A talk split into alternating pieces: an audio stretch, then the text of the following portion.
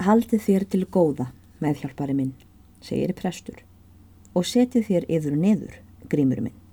Ítem þér, ungi maður, eigil minn, tillið þér yfir niður. Ég held hvern fólkið komi hér með volgan sopa fyrir okkur. Hm, hm, sagði prestur. Og varðla var hann búinn að sleppa orðinu og þeir feðgar niður sestir. Fyrir stofunni er upplokið og tveir kvennmenn koma inn. Sú sem á undan gekk var húsfreyja og bar kaffibotla í hagri hendi. En svo sem síðara gekk var Sigrún frá hlýð og hjælt hún á sínum botla í kvorri hendi. Sigrún nefnur staðar rétt fyrir innan dyrnar og stendur þar með botlana. En húsfreyja gengur innar og setur þann botlan er hún heldur á fyrir prest. Presti verður ekki litið á Sigrúnu þar sem hún stóð og segir í hálfum hljóðum. Kemur ekkert fyrir meðhjálparan? Jú, hér er sopi fyrir þá feðgana, sagði prestskona og snýri sér við og tekur við botlunum af Sigrúnu og setur þá fyrir þá feðga og gengur út og segir við Sigrúnu um leið. Býtu hérna og komdu með botlana þegar þeir eru búinir að drekka. Sigrún varð því eftir og stóð í stofuhorninu en prestur og meðhjálpari taka tal saman og nýgur viðtal þeirra helst að veðráttu og hvernig vora mundi.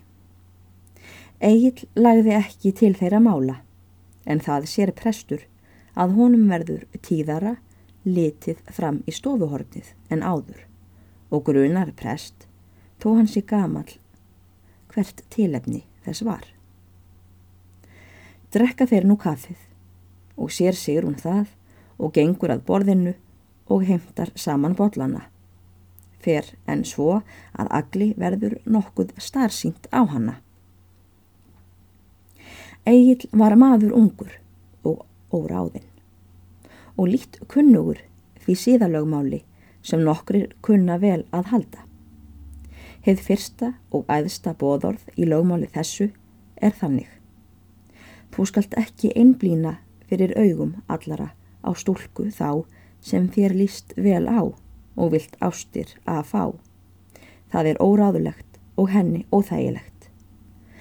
Sættu heldur ráðvíslega lægi, lát sem þú takir ei eftir henni meðan menn hafa augun á ykkur báðum, en skotra augum til hennar þegar engan varir. Vertu aftur flótur að koma andliti þínu í sömu fellingar og stellingar og snar og sniðugur að snúa augunum í aðra átt, áður en þeir líta við. Þessa íþrótt kunni eigill ekki, því hann var sannkallað barn í lögum. Hann starði svo lengi og stöðugt á Sigrúnu eins og hann ætlaði að krækja hana að sér með augunum og var hverjum heilskegnum hægt að sjá og vita hvað hann hugsaði. Það er í fám orðum. Á þessa stúlku líst mér vel. Ég vildi, ég ætti hana. Sigrúnu gata ekki dölist hvað agli var innanbrósts. Hún róðnaði út undir eiru, flýtti sér að taka saman botlana á borðinu og skaust út í skyndingu. Prestur leit eftir henni gekk um gólf þegjandi um hríð og humaði, eins og hann væri eitthvað að hugsa, en segir síðan. Þekki þér, grímur minn, þessa stúlku sem inn kom. Ég er nú, prestur minn, farin að gefa þeim minni göym ungu meionum, en þegar ég var í broti lífsins, sagði grímur, veldi vöngum og brosti í kamp. Var það ekki fósturdóttir hjónana í hlýð? Ekki manni hvað hún heitir. Sigrún, svaraði prestur. Einn fríðlegs stúlkan, hm, hm. Ekki er á það að vel líta. Fríð er kvennsniftin. Hún er, eins og Salomon að orði kemst, blóm í Saron og rós í dalnum.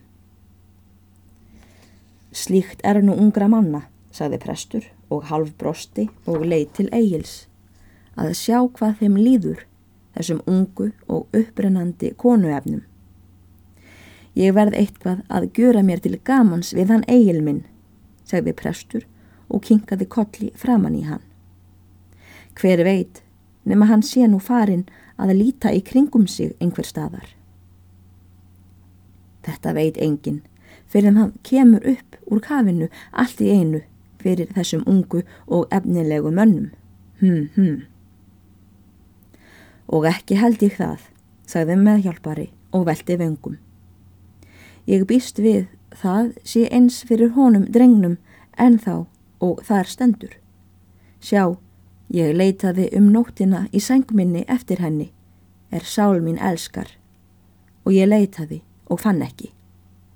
Þó getur hann betur sagt frá þessu sjálfur. Ég held þér megið óhætt fullir það babbi, sagði Egil. Já, ég hugsaði svo myndi vera. Þó er það satt sem þér segið, prestur góður. Slíkt er ungra manna og ekki veit ég hvort hann er öllu óefnilegri, drengurinn, þó ég eigi hann, en sumir sem kvongast nú um stundir. Það veit ég og að hver sem finnur eina eiginkonu, hann finnur góðan hlut og meðtekur velþóknun af drottni.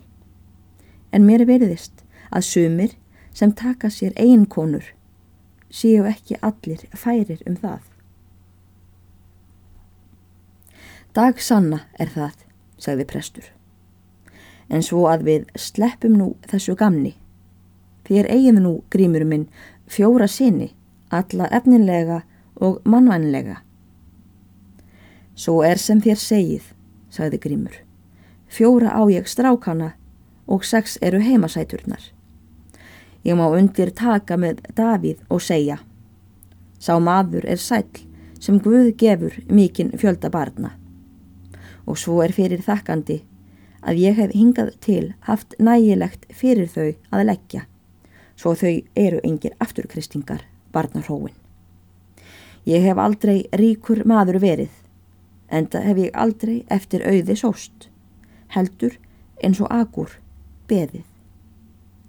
Gef mér kvorki skort niður auðæfi, en láttu mig hafa minn deildan verð. Þér hafið grímur minn, sagði prestur, gjört það eins og annað með sóma að koma börnum í þær fram, það má segja. Hm, hm. Ekki mun ég rósa mér sjálfur, fyrir Salamón segir, láttu aðra en þinn eigin mun rósa þér, saði Grímur og velti vöngum. En prestur helt áfram og segir,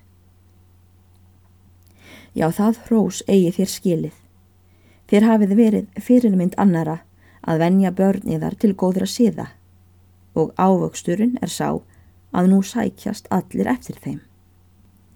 Það getur verið að þeir fengi dvöl, drengirnir.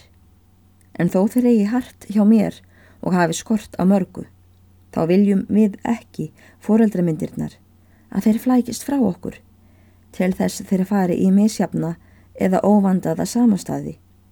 Því á syndara samkomu brennur eldur, segir Sýrak. En viðist þeim góðar vistir, myndi ég ekki fyrirmuna þeim að fara frá mér því ekki þarf ég þeirra allra með. Hér ber þá vel í veiði, segir prestur.